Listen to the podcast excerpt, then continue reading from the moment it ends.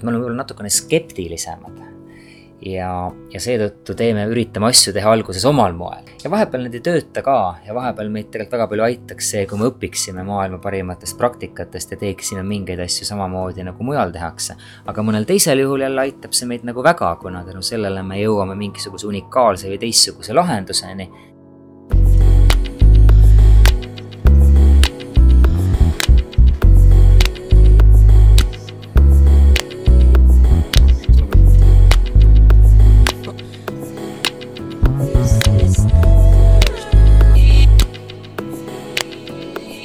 tere, minu nimi on Rainer Sterfeld ja te kuulate üheteistkümnendat episoodi saatest Globaalsed eestlased, kus meie eesmärk on luua mälupilt silmapaistvatest Eesti inimestest üle maailma, üksteiselt õppida ning tuua end teineteisele lähemale. enne kui ma juhatan sisse meie tänase saatekülalise, on mul hea meel teatada, et meie esimest kümmet saadet on kokku kuulatud üle kahekümne tuhande korra enam kui viiekümnes riigis aitäh kõikidele kuulajatele ning nendele kümnetele kirjadele ja soovitustele, mis meie poole on saadetud. mul on hea meel, et äh, Eesti kogukonnad üle maailma elavad teineteisele kaasa. teiseks, võimalik, et te märkasite, et saatel on uus tunnusmuusika, mis äh, sündis vabatahtlikus korras ja selle looja on Sander Mölder, kes on noor ja andekas elektroonilise muusika produtsent ning DJ. aitäh sulle, Sander ta on aktiivselt tegev nii Eestis kui ka mujalgi ja ma olen kindel, et me veel kuuleme temast. nüüd tagasi saate juurde, minu vestluskaaslane selles saates on ettevõtja Rain Rannu, keda tuntakse peamiselt Fortumo kaasasutaja ning viimasel ajal ka filmi Ameerika suvi produtsendina. oma karjääri USA-s raamatumüüjana alustanud Rain oli kahe tuhandendal aastal asutatud äh, ettevõtte Mobi kaasasutaja millest äh, kasvas välja rahvusvaheline mobiilimaksete platvorm Fortumo. tänaseks opereerib Fortumo üheksakümne viies riigis ning kelle teenuseid kasutatakse enam kui kolmesaja viiekümnes mobiilioperaatori võrgus. lisaks on Rain tegev ka ingelinvestorina ning tema hobideks on fotograafia, filmindus, hip-hop ning jooksmine me räägime Rainiga, kuidas ta sattus kahe tuhande esimese aasta üheteistkümnendal septembril Manhattanile, miks meeldib Rainile luua maailmasid ning kuidas ta teeb tehinguid suurklientidega räägime telekomi äri tulevikust, augmenteeritud reaalsusest ning tehisintellektist, millised on tema investeerimispõhimõtted ning juhtide tüüpvead, millised on väljaspool Eestit tegutsevate edukate inimeste iseloomuomadused ning mis on ühist startupidel ning hip-hopi muusikutel. siin on minu vestlus globaalse eestlase Rain Rannuga, head kuulamist!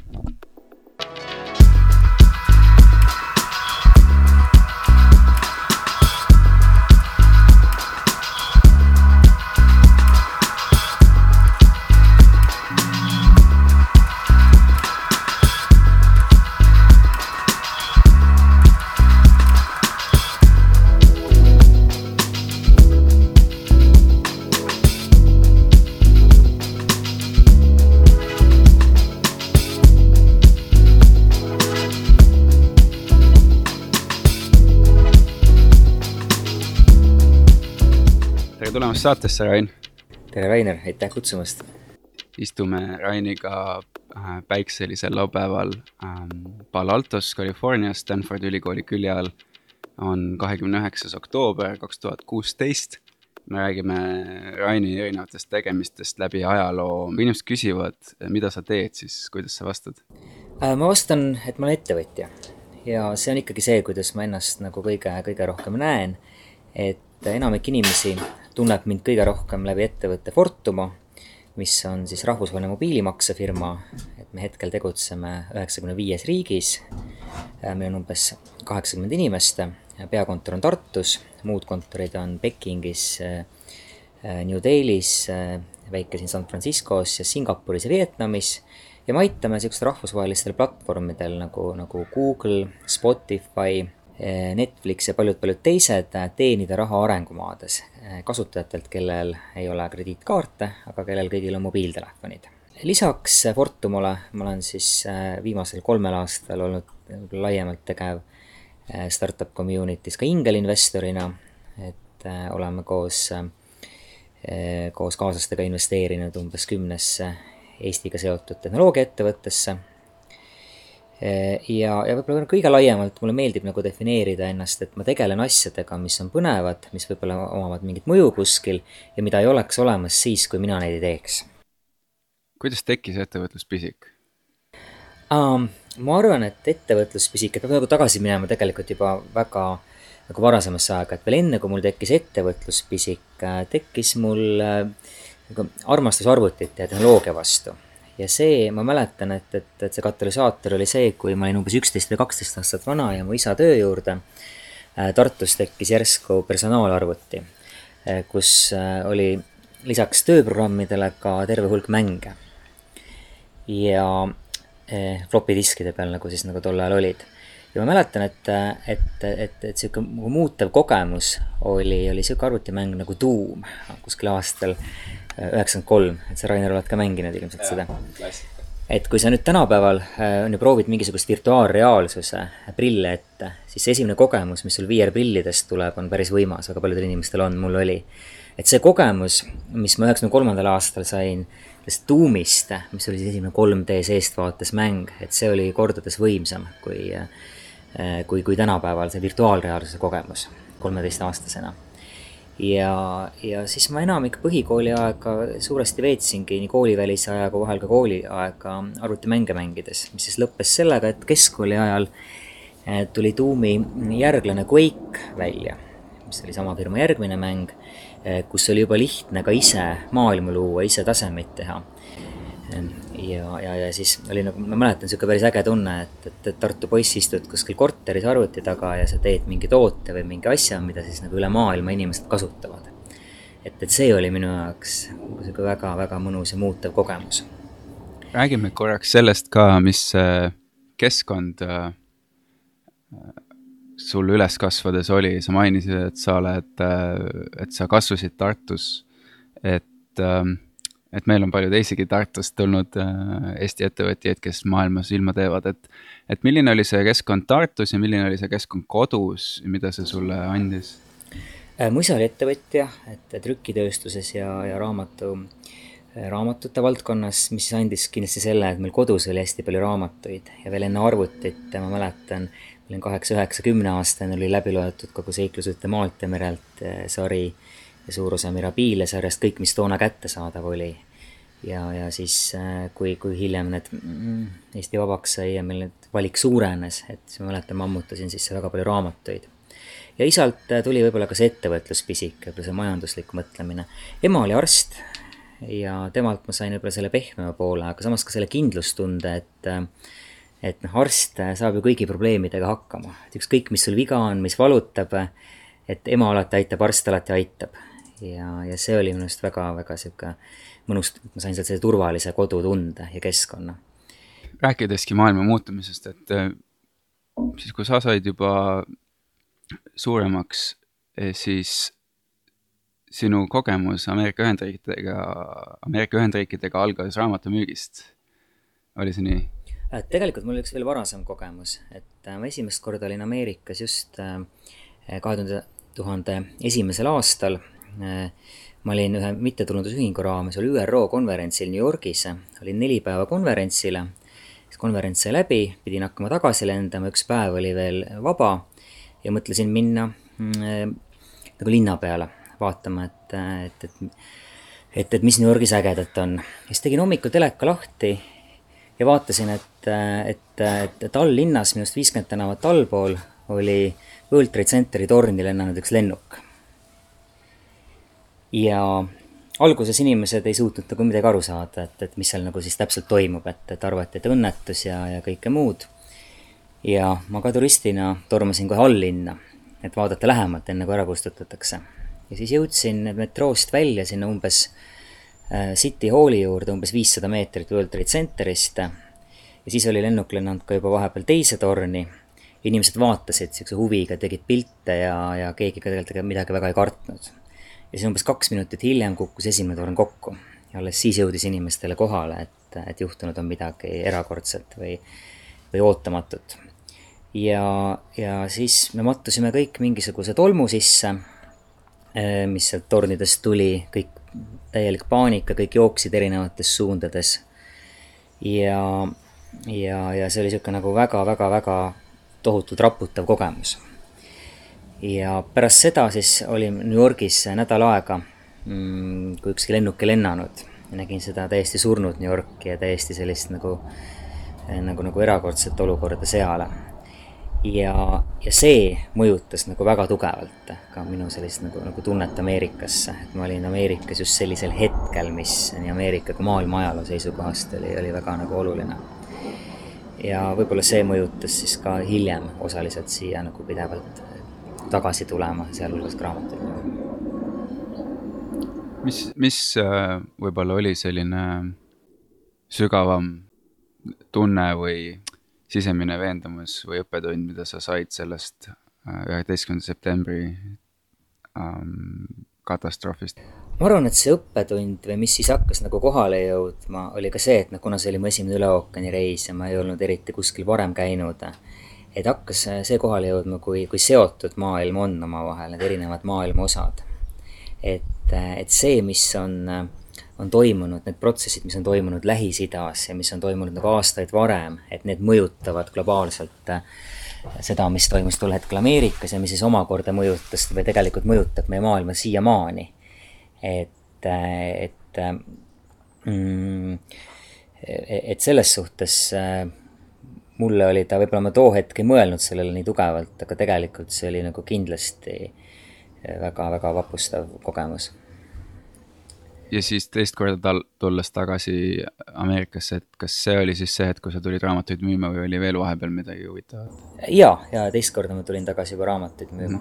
räägi natuke sellest, kuidas sa selleni jõudsid, et äh,? selleni, raamatumüügini ma jõudsin siis niimoodi, et, et tegelikult juba enne me olime teinud äh, oma, oma ettevõtte äh, ja meil oli seal äh, programmeerimas üks, üks väga, väga terane tark kutt nimega Andres Märtin, kes kirjutas väga head PHP koodi ja siis mingi hetk ta kadus suveks ära Ameerikasse ja sügisel enam tagasi ei tulnud nagu meie firmasse tööle. järgmine suvi läks jälle Ameerikasse, siis jälle Ameerikasse, siis mõni aasta hiljem tekkis mul huvi, et mida ta seal täpselt teeb, et uuriks natukene lähemalt. ja, ja, ja siis ma leidsin, et et, et see raamatumüük on nagu päris sihuke huvitav ja, ja arendav asi, et tol hetkel oli Eestist võib-olla käinud seal inimesi ühe käe sõrmedel. et tänaseks on käinud seal üle kolme tuhande inimese ja, ja, ja, ja siis mul tekkis nagu väga sügav huvi, kuna selle õppeaspekti vastu, et mida sealt võiks potentsiaalselt õppida. ja siis ma ütlesin Andresele, et kuule, et kas ma saan ka tulla. ja, ja, ja nii, nii ma ennast leidsingi mm, Washingtoni osariigist, äh, maapiirkondadest äh, kaheksateist tundi päevas ukselt uksele Ameerika pereemadele hariduslikke raamatuid müümast. Et selle Southwesterni kogemus, et mida, mida ta sulle nagu andis, et kindlasti nagu müügikogemused ja nii edasi, aga mida sa, mida sa isiklikult võib-olla kõige tähtsamaks pead? jah, ta andis paljuski kindlasti müügikogemust ja seda, et näha, et kuidas müük toimub eh, just nii-öelda erakliendile ja peredele ja siis seda oli hea jälle kõrvutada selle ärikliendile müügiga, mida me samal ajal Eestis tegime. aga võib-olla kõige enam ta andis eh, tunnetust eh, ja, ja nippe ja taktikaid selle kohta, et kuidas nagu inimene töötab ja kuidas me ise töötame. ja kuidas ennast motiveerida ja kuidas hoolitseda selle eest, et, et kui sul on tõesti olulised hetked, et kuidas olla tippvormis ja kuidas teha see kõige-kõige nagu tipptasemel kõige parem sooritus, mida me nagu suudame teha. et, et mingi hetk mm, muutus ta võrreldavaks nagu tippspordiga. et tippraamatumüüja müüb vähemalt viiskümmend korda rohkem kui, kui algaja raamatumüüja ja selleks, et sinna jõuda, see on selline pidev äh, samm-sammuline enesearendamine ja juurdeõppimine ja, ja, ja, ja kogu aeg nende nagu mm, selles, selles valdkonnas, selles kitsas valdkonnas paremaks muutumine. ja et kuidas seda teha, et, et see oli nagu selline hästi-hästi põnev, põnev kogemus. see on, see on teema, mis mind väga huvitab, see on natuke metateema, ehk siis õppida, kuidas kiiremini õppida kas sa seal raamatumüügi kogemuse või raamatumüügi ajal õppisid ka midagi sellist, et äh, mida sa nagu hilisemas elus siiamaani näiteks kasutad? võib-olla kõige olulisem puudutabki seda aja juhtimist ja, ja nagu tasakaalu.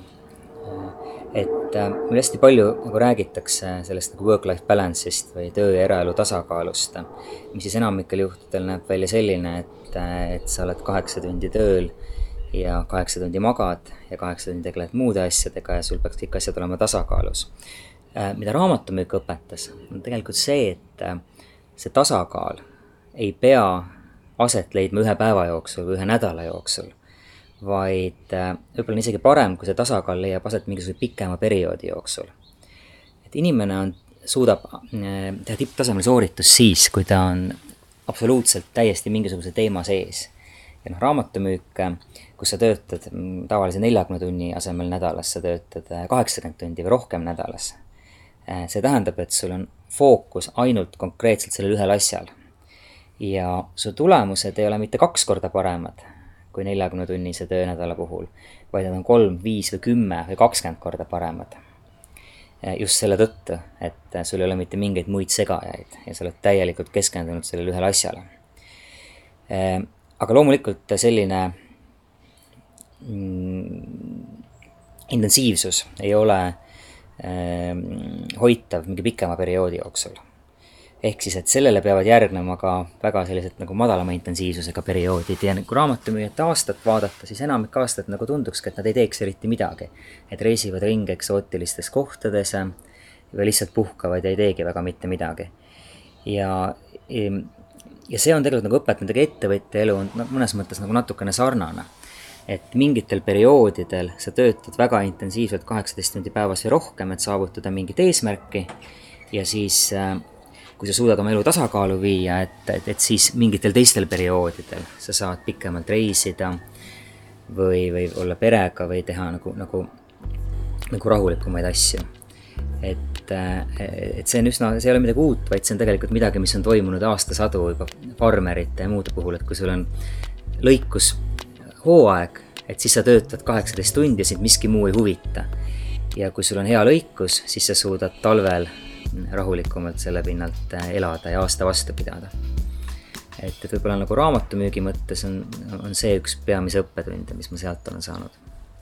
sa oled läbi käinud huvitava raja erinevates valdkondades, aga peamiselt oled sa tegelenud äh, mobiilimaksetega või mingil moel mobiili ähm, äris, ütleme siis nii, ja ja me siin enne, enne saadet natuke rääkisime ka, et, et aastal kaks tuhat neli, kui ma olin veel tudeng meil paluti innovatsioonipoliitikas teha üks uurimustöö või lihtsalt ettekanne mingi ettevõtte, mingisugusest Eesti ettevõttest, mis, mida te nagu arvate, et on hea ettevõte ja mina tegin Mobist. ja, ja ma eile leidsin selle faili täiesti kogemata, tuli see meelde, tuli see, tuli see meelde ja leidsin selle üles, et ma saan seda pärast sulle, sulle näidata. aga et, et, et Mobid te lõite juba kahe tuhandendal aastal.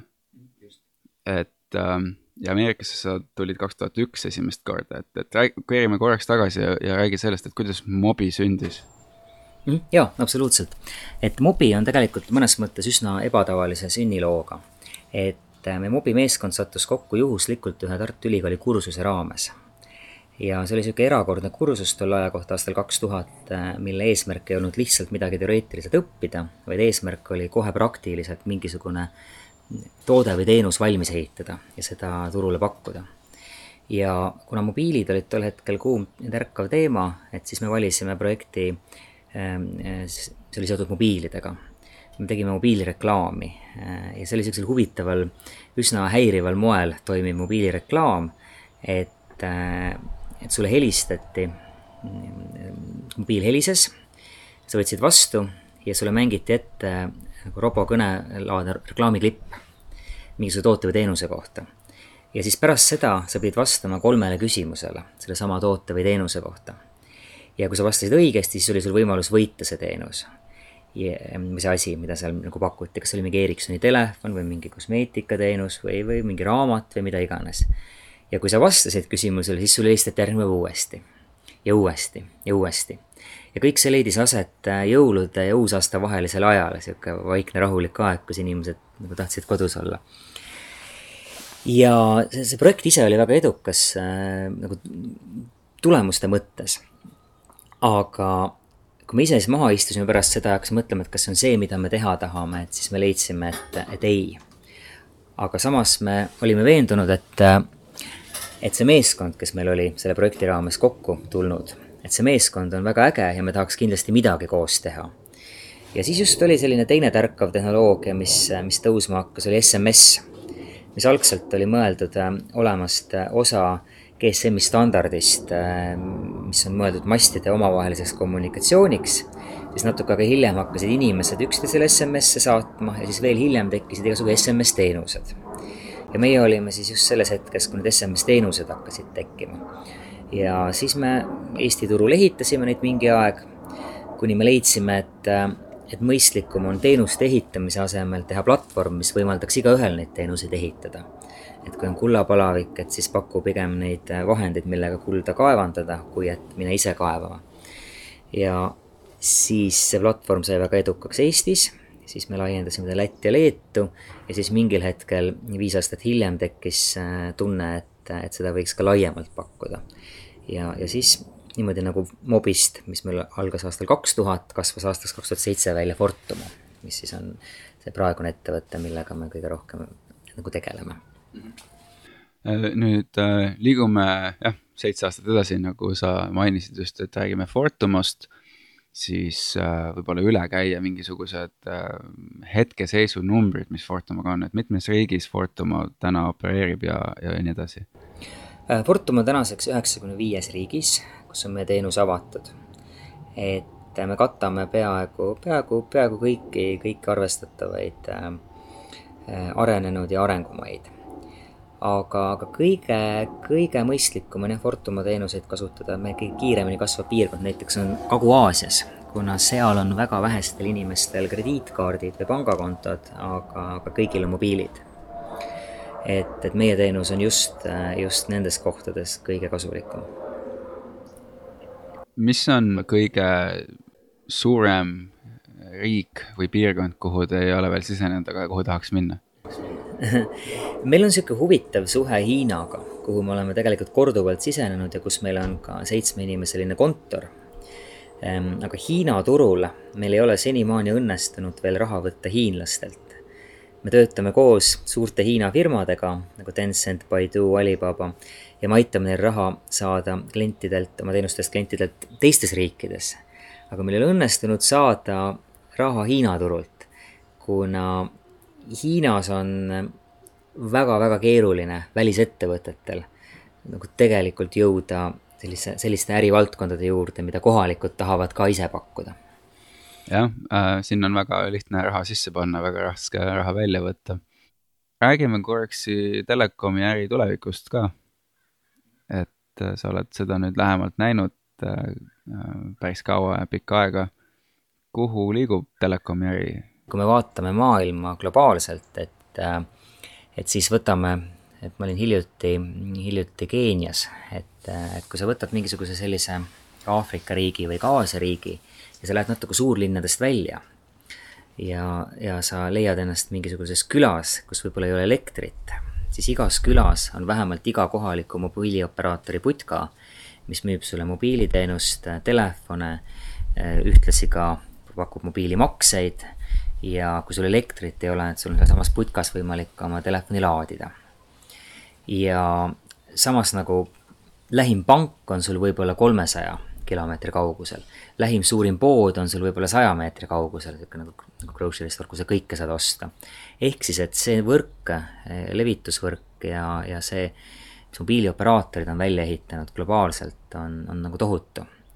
ja, ja see tähendab, et mobiilioperaatoritel on väga hea positsioon pakkuda selle pinnalt ka igasugu muid teenuseid klientidele, kuna nad on jõudnud iga kliendini igas piirkonnas, neil on tekkinud klientide seas usaldus. et äh, nüüd konkreetsemalt äh, Fortumo mobiilimakseäri koha pealt, mobiilikasutajate arv kasvab endiselt oluliselt kiiremini kui nende inimeste arv, kellel on pangakaart või mingi muu maksmise vahend. et ka meie jaoks see turg on kogu aeg suurenev maailmas on praegu äh, seitse miljardit inimest ja see kasvab kogu aeg. Ähm, mis hetkel saab olema olukord kus, kus üheksakümnel protsendil inimestel on telefon? raske öelda, aga me ei ole sellest olukorrast nagu üldse kaugel. Ähm, arvestades, et, et et arengumaades sa saad osta smartphone'i, targa telefoni Androidi platvormil umbes kahekümne dollari eest.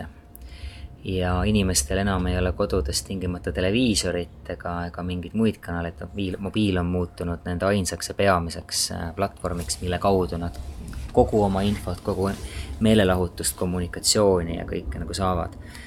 et et enamikes riikides juba see aeg, mis me veedame mobiiltelefoni kasutades, on ületanud seda aega, mis me veedame televiisori ees ja seda aega, mis me äh, veedame arvuti ees.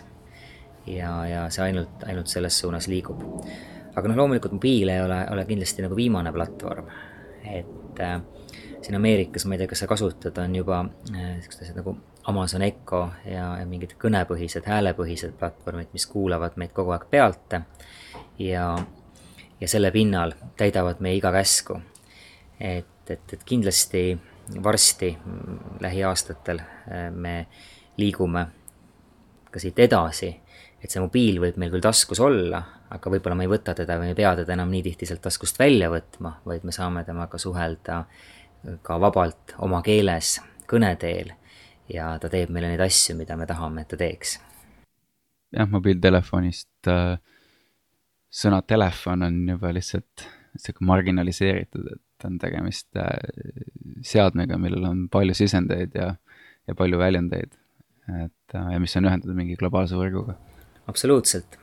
ja noh, siit kui nüüd edasi mõelda, et meil on ees äh, prillid, mis praegu on umbes nagu telefonid kakskümmend viis aastat tagasi, millega sai ainult rääkida. et meil on prillid ainult selleks, millega, mis teevad meie nägemist paremaks. aga kuigi esimesed katsetused nagu Google Glass on siin nagu eri põhjustel ebaõnnestunud, ma ei kujuta ette, et et, et, et need prillid, mida me kanname viie või kümne aasta pärast, et need oleks endiselt sellised rumalad prillid, nagu me praegu kanname.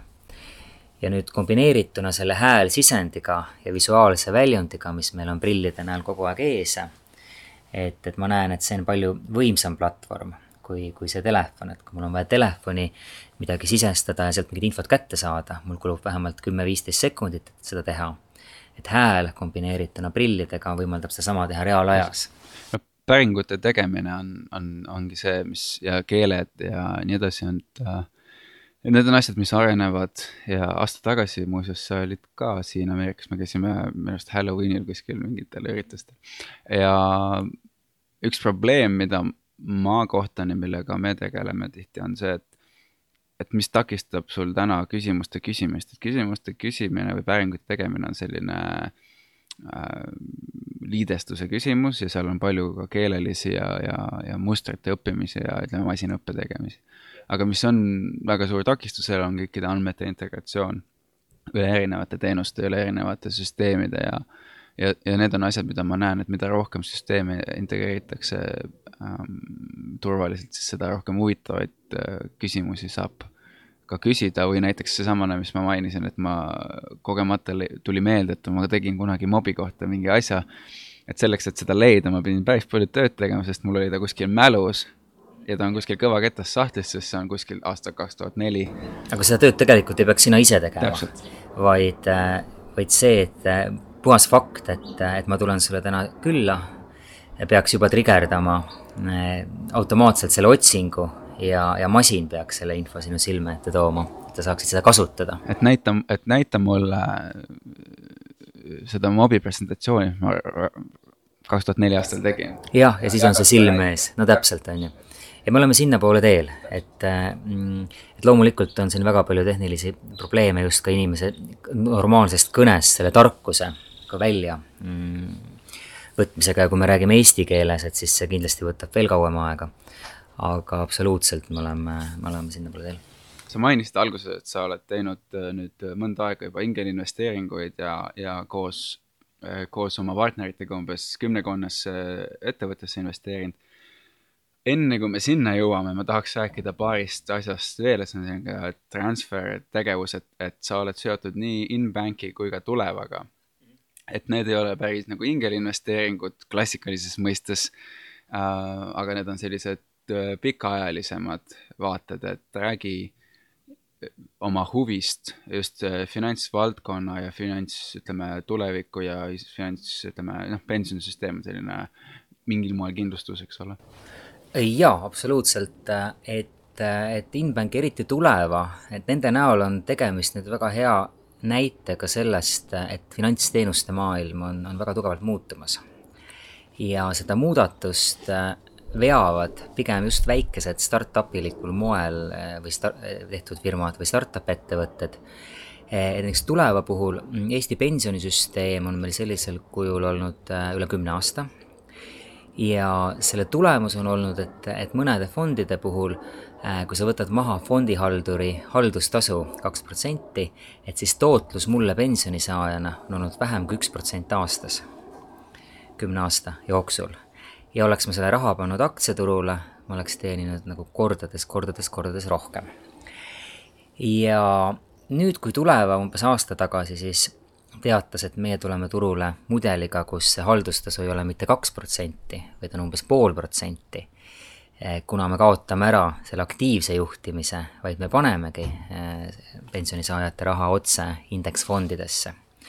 et mis siis nagu juhtus, oli see, et, et, et me avastasime, et, et väga kiiresti tuhanded inimesed, praeguseks üle kahe tuhande inimese, on sellega liitunud, aga muuhulgas ka kõik teised fondid on oma kümme aastat äh, eksisteerinud teenustasusid oluliselt allapoole toonud.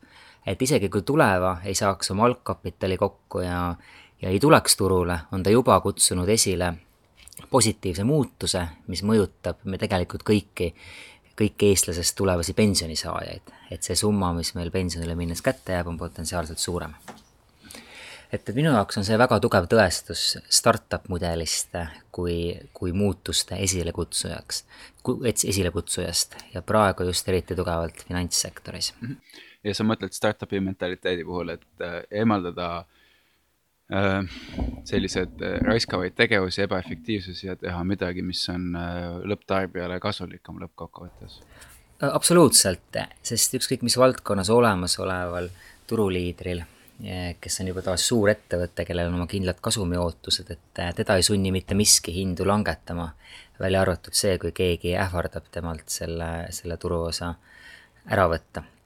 Ja just finantssektoris on tegelikult väga palju neid valdkondi, mida annab sellisel moel, moel muuta, et äh, me kõik teame, et seda saab teha üleriigiliste maksete puhul ähm,, noh, meie Fortumas oleme seda teinud mobiilimaksete puhul, seda saab teha ka laenude puhul, investeerimise puhul ja ka igapäevapanganduse puhul.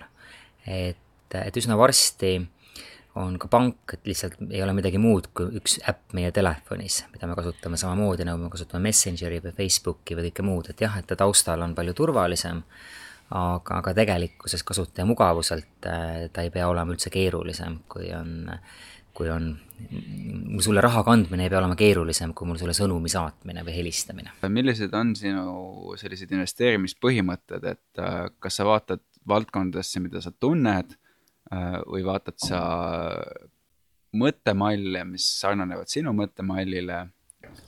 ma mõtlen investeerimisest, äh, et see on üks väga kallis hobi. et see raha, mis sa paned startup'i investeeringutesse, et kõige lihtsam on mõelda sellest kui rahast, mida sa tõenäoliselt enam mitte kunagi ei näe, aga et kui väga hästi läheb, et, et, et siis äh, tuleb sellest osa tagasi või kõik tagasi või isegi rohkem kui kõik tagasi. Ja, ja miks me seda teeme või miks ma seda teen, on, on, on see, et, et mulle meeldib see valdkond ja mulle meeldivad need firmad. aga investeerimispõhimõtetest äh, on võib-olla kaks tükki veel kõige olulisemat, mida me ise järg-, järgime ja üks on see, et, et me tegelikult kõige rohkem ikkagi investeerime founder'isse või founding tiimi. sest me mõlemad teame, kui keeruline on ehitada ühte rahvusvaheliselt edukat äh, firmat, mis, mis, mis muutub väärtuslikuks ja mis investorile potentsiaalselt viis või kümme korda investeeritud summa tagasi toob. et see on tohutult raske ja aastatepikkune väga keeruline töö ja, ja see on väga ebaloomulik, see on väga ebaharilik, kui midagi sellist juhtub ehk siis, et me otsime founder eid, kelle puhul meil on usk, et nad suudavad selles nende valitud valdkonnas eh, rahvusvaheliselt eduka, skaleeruva ja väärtusliku ettevõtte üles ehitada.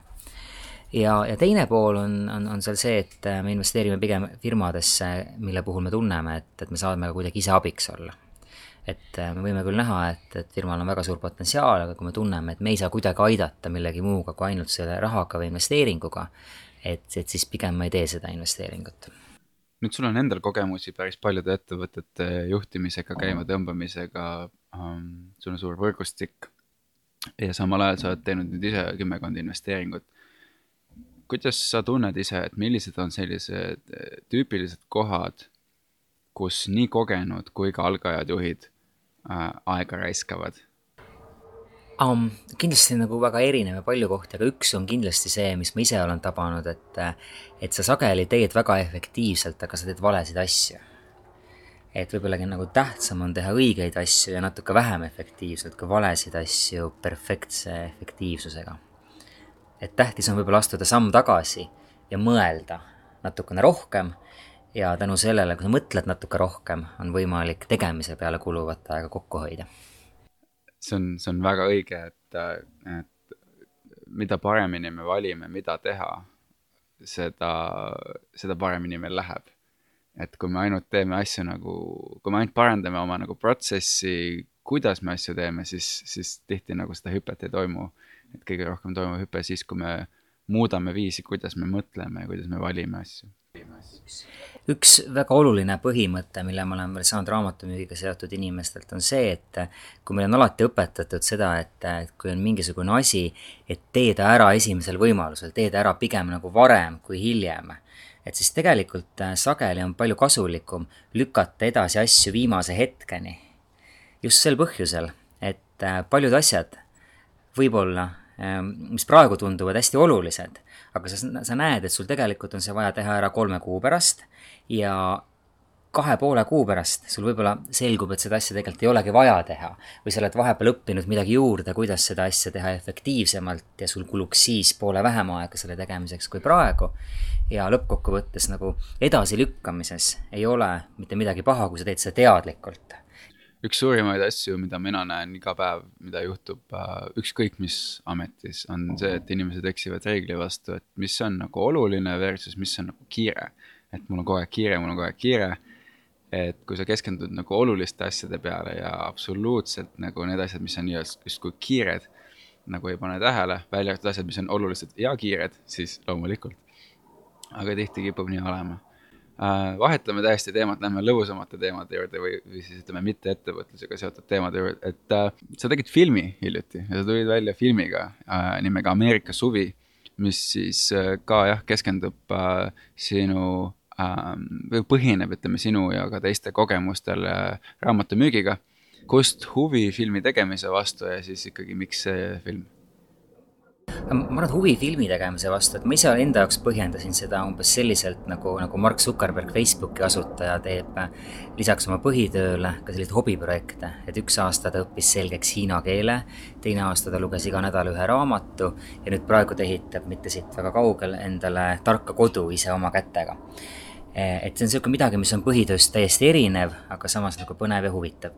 aga võib-olla teine sügavam põhjus ikkagi läheb tagasi sinna eh, Mm, nagu algkooli keskkooli ma mäletan, et ma esimeses ja teises klassis vahetundidel lavastasin näidendeid, kus siis klassikaaslased mängisid.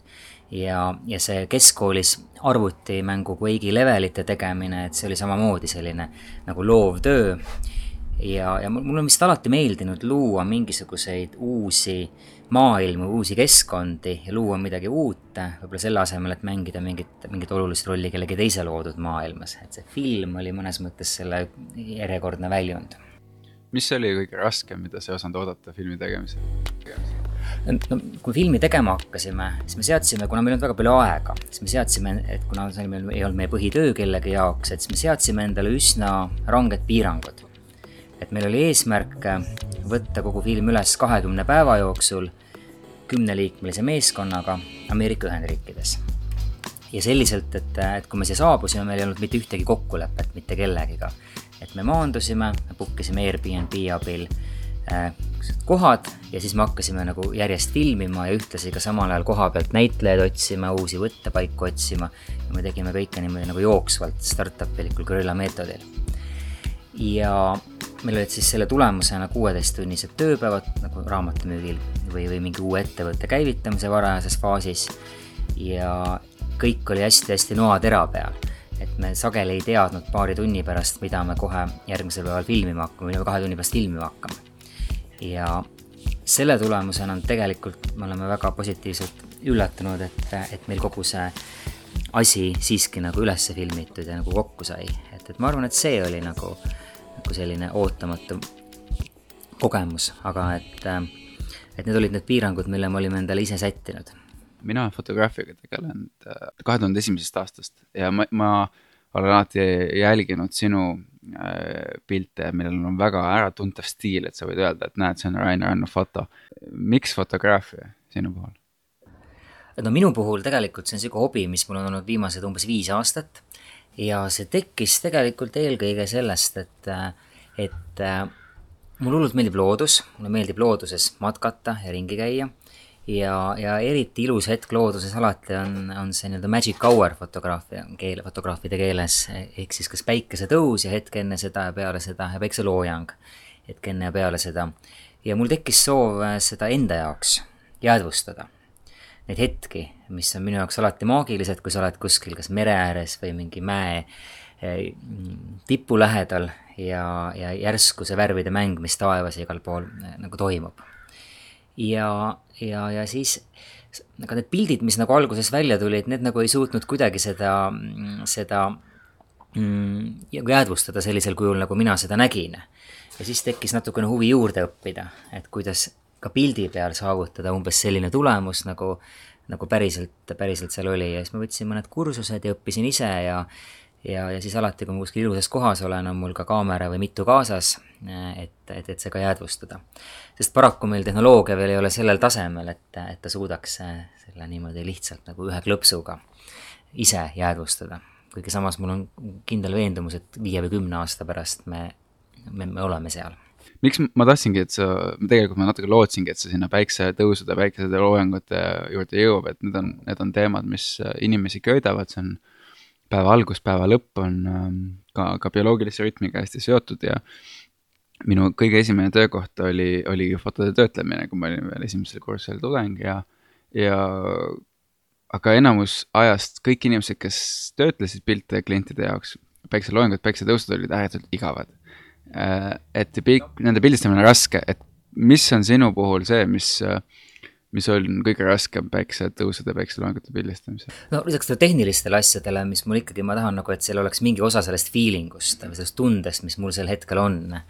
ja, ja see on küll koht, kus äh, masin inimsilma veel lähiajal ei asenda, on see, et valida, mis täpselt peale jätta, missugune element, missugune detail välja tuua. E, et ma arvan, et nagu, nagu see on minu jaoks hästi põnev. noh, see on äh selline huvitav asi, et, et äh, loodus ühendab meid, et päiksetõusud, päikseloengud toimuvad ükskõik kus maailmas äh,. välja arvatud, kui sa oled kuskil polaarööpol, polaarpäeva tingimustes, kus, kus need muutuvad veel olulisemaks loomulikult, et. et sa saad äh, pilti teha tõesti nagu, nagu igal pool, et selleks ei pea isegi väga kaugele reisima, et kogeda mingisugust väga ilusat looduslikku olukorda, et seda saad sa teha Eestis, Tallinnas, kodu lähedal paar kilomeetrit, liikudes mere äärde ja juba on, on see olemas või metsa, kus on hoopis teistsugune dünaamika. et fotograafia puhul on, on loodus see, mis väga palju inimesi ühendab, aga siis üks teema veel, millest sinul algas huvi hip-hopi vastu? Ma arvan, et see oli ka see MTV, mis kunagi meil sealt satelliidi kaudu nagu tuli ja siis kõik need muusikažanrid. aga hip-hopi vastu konkreetselt äh,, ma ei teagi, kuidas ta nagu nii täpselt algas. aga mm, kui praegu tagasi vaadata, üheksakümnendad on siiamaani hip-hopi selline kuldaeg. et äh, kõik, kes hip-hopi fännavad, kõige rohkem igatsevad just seda üheksakümnendaid. mingil põhjusel, kui see hip-hop veel ei olnud niivõrd mainstream, nagu ta praegu on ja, ja samas nagu, nagu siis tekkisid just need kõige legendaarsemad, autentsemad artistid nagu, nagu Notorious B.I.G, Nas ja minu jaoks võib-olla kõige rohkem Wu-Tang Clan. ja, ja mis mind selle juures nagu köidab, on, või toona köitis, oli, oli võib-olla see minimalism, mis, mis, mis toona hip-hopis oli. et, et näiteks mu lemmik hip-hop produtsent Risa, kes tegi neid Wu-Tang Clani põhju, et ta kaevas seitsmekümnendate plaadikuhjas, leidis sealt mingisugused imeilusad souli lood, sample'is neist mingisugust kahe minu-, kahesekundist kuni viiesekundist või kümnesekundist kõige imelisemat lõiku ja pani selle sada korda luupima ja tegi sinna taha väga toore mm,, toored trummid ja bassi ja, ja, ja pani sinna oma sõbrad New Yorgi Staten Islandi linnajaost räppima väga karme, karme riime aga et mind, ma riimidest ei saanud aru, sõnadest ei saanud aru, neliteist, viisteist, aga mis mind köitis, oli just see produktsioon ja see beat ja see muusika, mis oli niivõrd erinev, niivõrd toores, niivõrd ehe ja niivõrd minimalistlik. ja pärast ma sain aru, et pärast, et, et põhjus, miks ta sellisena mõjus, oli, oli, oli see, et, et Risa ei teadnud muusikast mitte midagi enamik hip-hop produtsente ei teadnud, ei olnud mingisugust muusikalist põhja. Nad lihtsalt vaatasid selle järgi, mis nad südames tundsid, et kõlab ägedalt ja ehedalt ja see läks rahvale peale. ja Risa puhul hiljem konkreetselt ta tundis ennast natukene süüdi ja ta õppis siis nagu klaverit mängima ja kitarri mängima ja ka päris muusika põhimõtted ära. ja paraku pärast seda ta ei suutnud enam teha midagi, mis oleks nii palju rahvale nagu korda läinud, kui need üheksakümnendate keskpaiga klassikalised plaadid, mida ta tegi ja aga jah, et, et hip-hop mulle võib-olla meeldibki ja teised artistid ka just selle minimalistlikkuse ja selle eh, nagu, nagu korduvuse ja selle nagu siukse basic mm, mm emotsiooni pärast. mis võib-olla on ka jällegi nagu tulles tagasi natuke tehnoloogia startup'i juurde, et, et, et startup on oma olemuselt ka selline minimalistlik ettevõte. et eh, sa valid välja mingisugused väga konkreetsed detailid ja elemendid ja üritad äh, neid teha niivõrd ägedaks ja heaks, kui sa nagu vähegi suudad. ja, ja su ülesanne on elimineerida kõik üleliigne, mida võib-olla suurfirma teeks ja mida, mida, mida startup ei tee. et hip-hop muusikas tuleb see samamoodi välja, et need hip-hop beat'id, äh, kõik, mis sa muusikast tead ja kõik, mis teevad tavalise laulu musikaalseks, et selle sa elimineerid sealt nagu, nagu varakult ära. jah, ajaloolisest vaatevinklist lähtudes, et äh sul võib olla artiste, kes, kes ikkagi sotsiaalselt kriitiliselt asju lahkavad ja, ja täna võib öelda, et eks ole, Kendrick Lamar teeb seda hästi ja nii edasi, et sul on alati keegi, aga sisuliselt võib öelda jah, et, et hip-hop on viimase kolmekümne aasta parim nagu luulevorm, luuležanr, mis ka, kajastab tänapäeva. et, et mida rohkem inimesed hoiavad kinni nagu sellest minevikust, siis seda, seda seda rohkem ta liigub eemale. tuleme tagasi ettevõtja elu juurde, mis läheb ajas kergemaks ja mis läheb ajas raskemaks? noh, see on hea küsimus. Mm, jah, tulles tagasi sissejuhatuse juurde, et, äh, et ma arvan, et siiamaani, et kõige parem investeering, mis ma elus olen teinud, on need esimesed neli tasuta töötatud aastat ülikooli ajal, varajastel kahe tuhandetel, äh, mil me Mobit arendasime ilma sellest mingit tasu saamata, kuna tänu sellele, et me seda tegime ja me ei läinud tööle, on meil avanud lõpp, hiljem kõik need ülejäänud muud võimalused ja tegelikult nagu kogu maailm. ehk siis, et, et see ettevõtja eh, panus, mis sa alguses sisse paned, et, et see on nagu äärmiselt, äärmiselt oluline. ja seda on parem teha, kui sa oled mõnes mõttes nagu noor. Mm, et, et sul on see drive, sind tingimata ei motiveeri ja sul ei ole ka võib-olla mingit, tingimata mingeid kohustusi mm, eh, finantsiliselt ja, ja sa saad seda võib-olla nagu, nagu, nagu paremini teha. ja kui sa vanemaks saad, sul võib-olla tekib nagu rohkem kogemust ja sul on rohkem mingisuguseid arvamusi ja, ja juba nagu, nagu teadmist, et mis ei tööta. ja see on mõnes mõttes hea, et sa võib-olla ei tõmble nagu siia-sinna, teed mingeid asju rutem, aga mõnes mõttes ka halb, sest äh, tänu sellele äh, sa jätad kasutamata mõned võimalused, mis, äh, mida sa noorena äh, nagu kasutaksid, kuna sa ei tea, et, et, et see tegelikult ei tööta et Fortuma puhul näiteks ma arvan, et kui ma oleks kümme aastat tagasi küsinud mõnelt finantssektori tegijalt, et, et, et mis sa arvad, et, et kas SMS on hea viis, kuidas ähm, makseid teha? et siis ma arvan, et iga finantssektori inimene oleks öelnud, et te olete täiesti hullud, et see on täiesti, täiesti võimatu, täiesti mõttetu. aga kuna me ei teadnud seda, kuna me ei küsinud kelleltki, lihtsalt tegime, äh, et äh, ja siis üllatuslikult kõigile meile endale ka see nagu töötas, et et, et ma arvan, et noorena sa oled valmis tegema rohkemaid asju ja lihtsalt proovima, kuna sa ei tea, et asjad ei tööta või tõenäoliselt ei tööta ja tänu sellele mõned asjad õnnestuvad. nagu klassikaline ütlus ütleb, et see, see õnnestub sellepärast, et sa ei tea, et see on võimatu. jah, see õnnestus, et sa ei tea, et, et see on võimatu. ja vanemana paraku meil kipub natukene tekkima niisugune nagu täiskasvanu tunne või selline ratsionaalsus, mis meil eos juba elimineerib sellised äh, võimalused ära.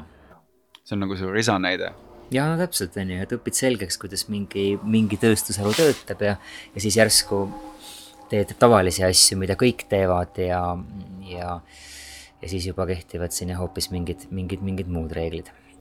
aga liigume täiesti teise teemasse äh,, räägime Eestist.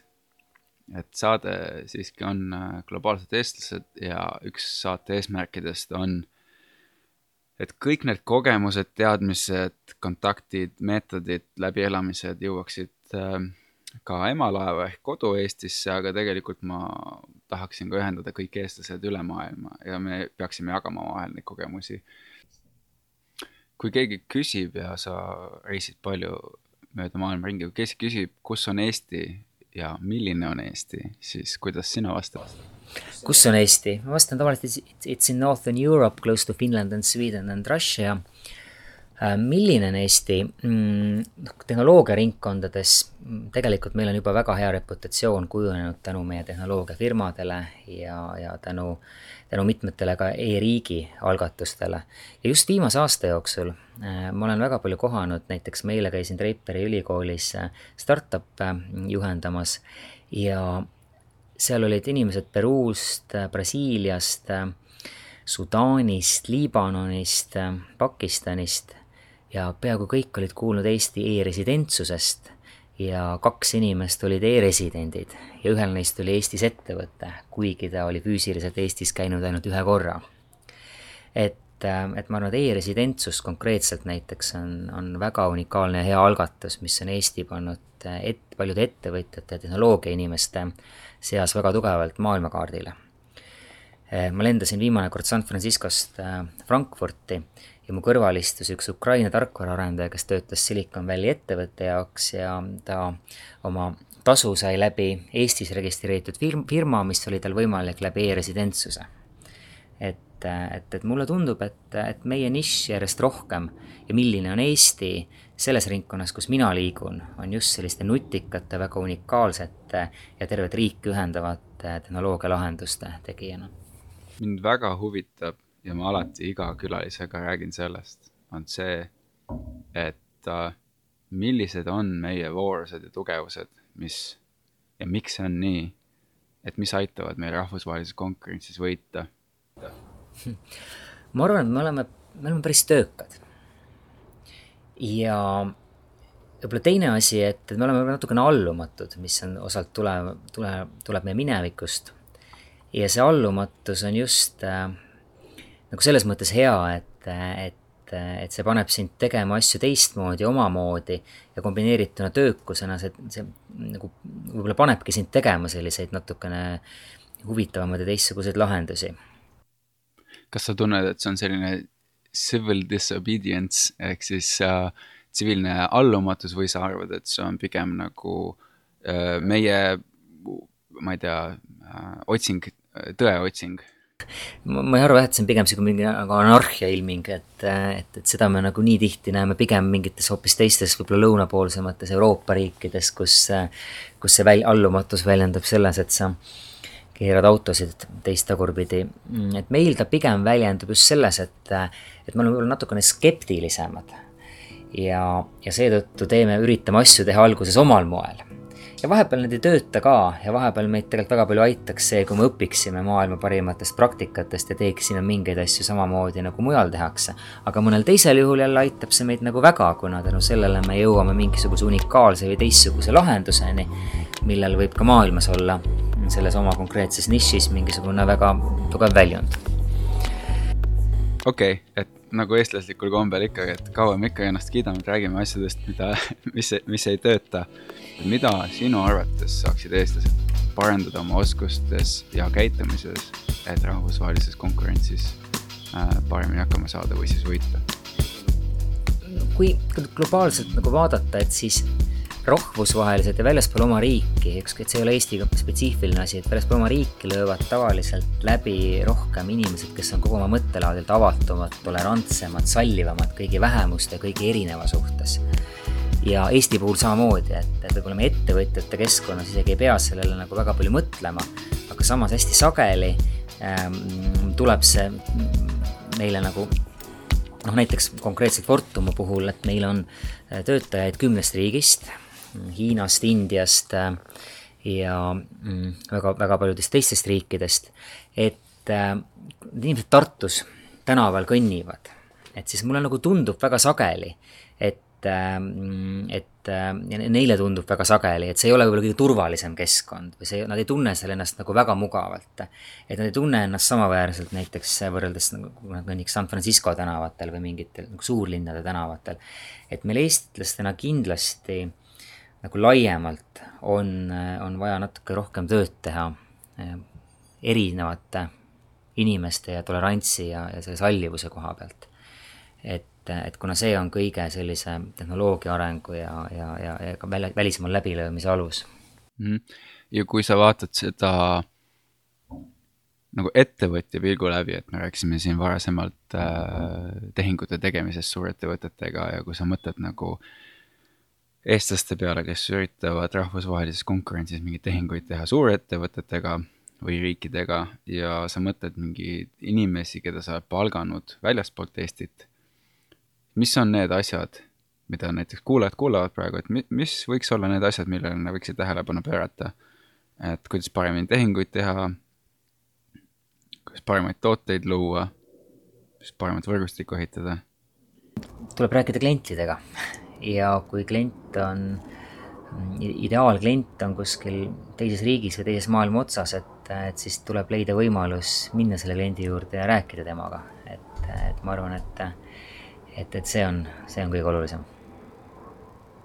kui sa vastasid seda küsimust, siis, siis mul tuli meelde see, et ma olen viimased neli aastat käinud ühe sama juuksuri juures siin Californias. Ja need, see on üks, üks äh, selline Hiina juuksurikoht, mis on siin Stanford Barbershop. ja, ja nende inglise keel on kohutav. nagu, et, et, et keskmine inimene ei saa aru, mis nad räägivad. ja aga ma olen nendega loonud sellise huvitava suhte ja mis nende puhul mind, mind väga äh, kuidagi köidab, on see, et, et nad, nad mitte kunagi ei väsi õppimast. Nad alati küsivad mu käest, et äh, nad juba teavad, mis ma teen, aga alguses, millega sa tegeled ja mis, ja mis on huvitav, et mis on toimunud. aga see, aga see idee, et nagu sa ei karda nagu eksida, ehk siis nagu eesti keeles me ütleme, et kõvasti ja valesti. absoluutselt, jah jaa, ei kindlasti meie kultuuris see eksimus on, on nagu mingi natukene hullem asi kui, kui väga näiteks Ameerika kultuuris. ja noh, eks ta muidugi Aasia kultuurides mm, ka see sõltub, aga, aga noh, kui mm, inimene on juba Ameerikas elanud aasta, kaks, viis, kümme, et, et siis ta pigem on just võtnud, ma arvan, et selle Ameerika kultuuri osa väga tugevalt omaks. No eks me püüame teha oma saateid nagu väga erinevate inimestega erinevates kohtades, siin Ameerika kesksus on natuke liiga tugev, aga mis küll on Ameerika puhul väga tugev, on see, et kui sa lendad üle selle riigi, siis sa näed, et, et kui suur see riik on ja kui paljud erinevad inimesed siin elavad ja ja need, kes, noh, me rääkisime ka mul Hiina juuksuritest, et kujuta nüüd, et sa ei tea keelt, sa tuled siia, et see nagu näitab, et ei tohi liiga mugavaks muutuda. nüüd, millisena näeksid sina Eestit saja aasta pärast? Hmm, väga raske öelda, arvestades, et, et me praegu elame nii kiirete tehnoloogiliste muutuste ajajärgul, et et me tegelikult ei tea, mis maailm, missugune maailm on kümne, kahekümne või kolmekümne aasta pärast ähm,. noh, et kas, kas me endiselt äh, kontrollime ise maailma või kontrollib meid tehisintellekt või, või kuidas see välja näeb. aga, aga, aga kui mõelda Eesti peale, et, et ma ikkagi näen, et, et Eesti Äh, on, on pigem nagu kindlasti osa sellest kultuuri, läänelikust kultuuriruumist, äh, kus kehtivad demokraatlikud väärtused ja, ja samas me oleme alati, me oleme mingis aspektis äh, unikaalsed ja teistmoodi. Et me kasutame väiksust ära selleks, et, et, et teha midagi, mida väiksed riigid ainult saavad teha nagu eri, erinevalt. et me oleme alati, alati millegi poolest maailmas unikaalsed hommikud on sellised huvitavad asjad, et, et äh, olenemata, kas sa oled hommikuinimene või õhtuinimene, siis, siis tihti nagu need esimesed hommikurutiinid on see, mis defineerivad nagu inimese, kuidas see, kuidas see päev tihti nagu läheb. Millised näevad välja sinu esimesed üks-kaks tundi sinu päevast? Ehm, jah, hommikuti on, on sihuke pea, pea värske ja, ja, ja mulle meeldib hommikul ähm, tegeleda just eelkõige nende asjadega, mis vajavad üksinda põhjalikumat mõtlemist või natukene värsket pead ja mingit uut värsket näge- äh,, lähenemist. ja kuna ma teiselt poolt joon hästi palju kohvi, et, et sageli see on Ameerikast külge jäänud komme, kuna siin on lahja kohvi ja väga suured kohvitopsid, et ma joon kuskil kuus-seitse-kaheksa mm, tassi kohvi päevas, vahepeal isegi rohkem. et, et mulle meeldib hommikul olla kuskil kohvikus ja tegeleda esimesed paar tundi eh, selliste mõtlemist vajavate tegevustega, olgu see siis mingisuguse keerulise kirja või keerulise analüüsi või, või millegi, millegi loova kirjutamine. ja tavaliselt ma hommikuti sellepärast ka kohtumisi hea meelega ei pane, et neid hakkan sättima alates lõunast ja, ja, ja hiljem. et, et see on selline endaga olemise aeg.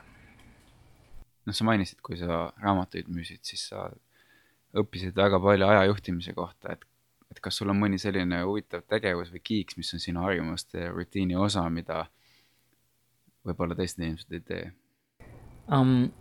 võib-olla, ma ei tea, mulle meeldib, äh, mulle meeldib väga tihti igal pool, ükskõik kus ma olen, jooksmas käia. Ja mõned võtavad jooksmist ainult puhtalt trenni osana, et ma olen seda kogu aeg vaadanud ka tegelikult töö ja efektiivse tööpäeva osana. sest kui sa jooksed, siis su see on niisugune rütmiline tegevus ja pea on erakordselt värske ja kui sul on just parasjagu lahendamisel mingisugune natukene keerulisem ja mõtlemist vajav probleem, et siis väga hea on seda teha jooksu ajal, et sa hakkad jooksu alguses sellele mõtlema ja peaaegu alati jooksu lõpuks on sul see eh, lahendus mingil kujul olemas.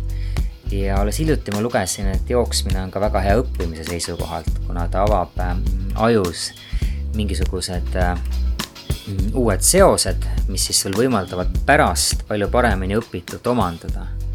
ja seda ma varem ei teadnud, aga, aga, aga, aga see veel kord kõik nagu kinnistab, et, et, mm, et, et jooks on kasulik. ja samas see on niisugune spordiala, mida saab teha peaaegu, või niisugune trenn, mida saab teha peaaegu igal pool. Kuna see ei vaja mingisugust erilist planeerimist, ta ei vaja väga palju aega, kõik, mis sul vaja on, on on, on tund aega, jooksutossud ja võib-olla võimalus pärast pesta ja, ja see on kõik, et, et seda saab teha reisil olles ja peaaegu iga ilmaga. kui sa nüüd mõtled enda algusaastate peale, et äh, kui sa mõtled kahekümne äh, aastase Rain Rannu peale, et kui sa kohtuksid temaga, mida sa ütleksid või soovitaksid endale? ma arvan, et äh, võib-olla üks asi, mis ma ütleks äh, või, või soovitaks, on kindlasti see, et et, ära kunagi lõp lõpeta õppimist isegi ajutiselt, et vahepeal elus sul nagu tekib tunne, et, et või sa oled nii mattunud tegevustesse, tegemisse, et, et sa võib-olla ei tegele selle kõrvalt enam mingi hetk enesearendamisega. Ehm, et, et ma ütleksin, et, et, et õppimine on tegelikult täpselt samasugune igapäevane asi, nagu on trenn või isegi nagu hambapesu. et kui sa ei pese tükk aega hambaid, et siis väga tõenäoliselt äh, mõne aja pärast sa lõpetad hambaarsti juures suurte valudega. et õppimise puhul on samamoodi. mis raamatuid sa oled kas siis kõige enam kinkinud või mis raamatuid sa hiljuti lugesid, mida sa tahaksid soovitada inimestele? Ma olen kõige rohkem alati soovitanud äh, nende inimeste, kes äh,, kes, kes minu jaoks on eeskujud, nende biograafiaid, olgu nad siis ettevõtjad või muusikud või filmitegijad või mingisuguse valdkonna mm, ka tegijad ja sageli pigem autobiograafiaid, siis kui seda ei ole, et siis biograafiat. aga võib-olla viimase poole aasta jooksul ma olen kõige rohkem soovitanud äh, Nick Bostromi raamatut Superintelligence. Nick Bostrom on äh, üks Rootsi taustaga Oxfordi teadlane ja selles raamatus ta populaarteaduslikult igaühele arusaadaval moel kirjeldab neid erinevaid stsenaariumeid, mis meid võivad ees oodata järgmistel kümnenditel, kui arvuti ja tehisintellekt saab sama targaks kui inimene ja siis mis sealt edasi juhtub. et minu jaoks on olnud see väga silmi avardav ja väga-väga-väga ka mõjutav, mõjutanud raamat ja ma olen seda võib-olla kõige rohkem soovitanud, et ma soovitan igal juhul lugeda Nick Bostrom's Superintelligence jaa, äh, Nick Frostomi raamat on absoluutselt super, et äh, külalistele, saate, saate kuulajatele, vabandust, äh, soovituseks, et kõik raamatusoovitused, mida, mida külalised mainivad, on meil goodreads.com'i minu ühel riiulil globaalsed eestlased olemas ja, ja ka see ilmub sinna. et äh,. ja teine, ja teine raamatusoovitus on Risa Wu-Tang Manual, pane see ka sinna. absoluutselt, Wu-Tang Manual, Risa. Et äh, Rain, ma väga ma olen väga tänulik, et sa tulid, et sa võtsid selle aja siia tulla ja, ja mul oli küll väga, väga huvitav. Äh, võib-olla mul on veel mõned küsimused ka pärast saadet, et äh, aitäh. aitäh sulle, Rainer, oli tore. head kuulajad, sellega on meie tänane saade läbi. nagu tavaliselt leiate kõik saatemärkmed ka aadressilt memokraat.ee kaldkriips kategooria kaldkriips podcast kui teil on mingeid mõtteid, kellega ma võiks järgmisena rääkida, siis saatke mulle kiri globaalsed eestlased at gmail.com. Kuulmiseni.